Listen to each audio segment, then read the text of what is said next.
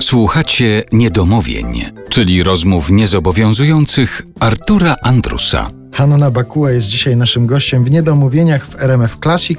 Ten wątek uśmiechu w książce znalazłem przy y, takiej opowieści o rodzinie. W rodzinie wszyscy lubili się śmiać, oglądaliśmy kabaret starszych panów.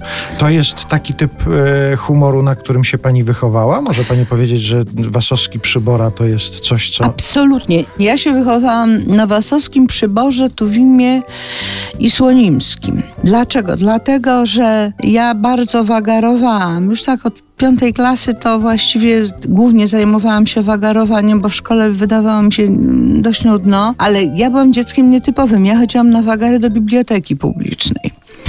Tam mhm. nie szukano wagarowiczów i ja po prostu miałam spokojne 4-5 godzin na czytanie w czasie lekcji. Potem się matka dowiadywała, że ja w ogóle nie chodziłam.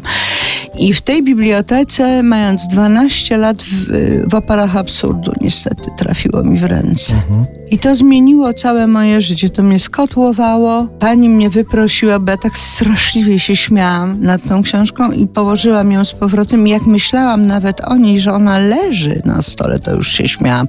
Na korytarzu ja się wyśmiewałam. No i wracałam, patrzyłam na książkę i znowu się śmiałam.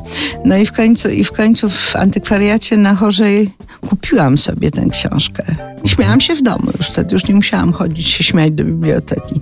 To największe wrażenie literackie na pewno w moim życiu. Ale też i co to za zjawisko? Ktoś, kto ucieka na wagary do biblioteki. Ciekaw jestem, ilu teraz jest takich uczniów, którym się... myślę, ile, no bo myślę, że to jest w ogóle wykluczone, dlatego że...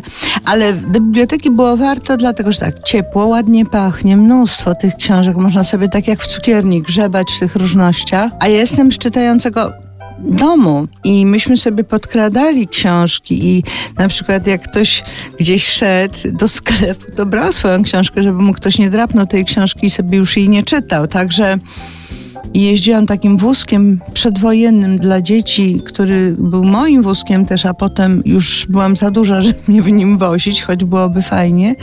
I ja tym wózkiem jeździłam do biblioteki, którą miała pani Sułkowska, to była hrabina która swój księgozbiór w prezencie porobiła te kartki do wkładania wszystko i wypożyczała książki. I ja jechałam i cały wózek dla całej rodziny pakowałam. Oczywiście dla siebie brałam takie książki, których w domu by mi nigdy nie pozwolili czytać, a, a przykrywką do tego były, były jakieś tam książę i żeblak, żeby to na wierzchu było, a pod spodem kwowadis i inne sprawy. Nie pozwoliliby czytać Quo Nie, złapali mnie na tym, kiedy zapytałam przy obiedzie, mając 8 lat, co to są katakumby. A babcia powiedziała do dziadka, Jasiu, ona ukradła Quo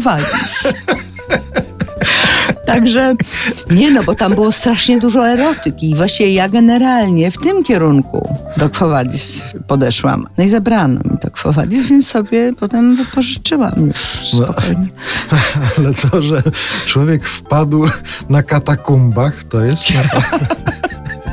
No bo nie ma książki, nie ma polskiej książki, w której byłoby użyte poza Kwowadis słowo katakumby. No.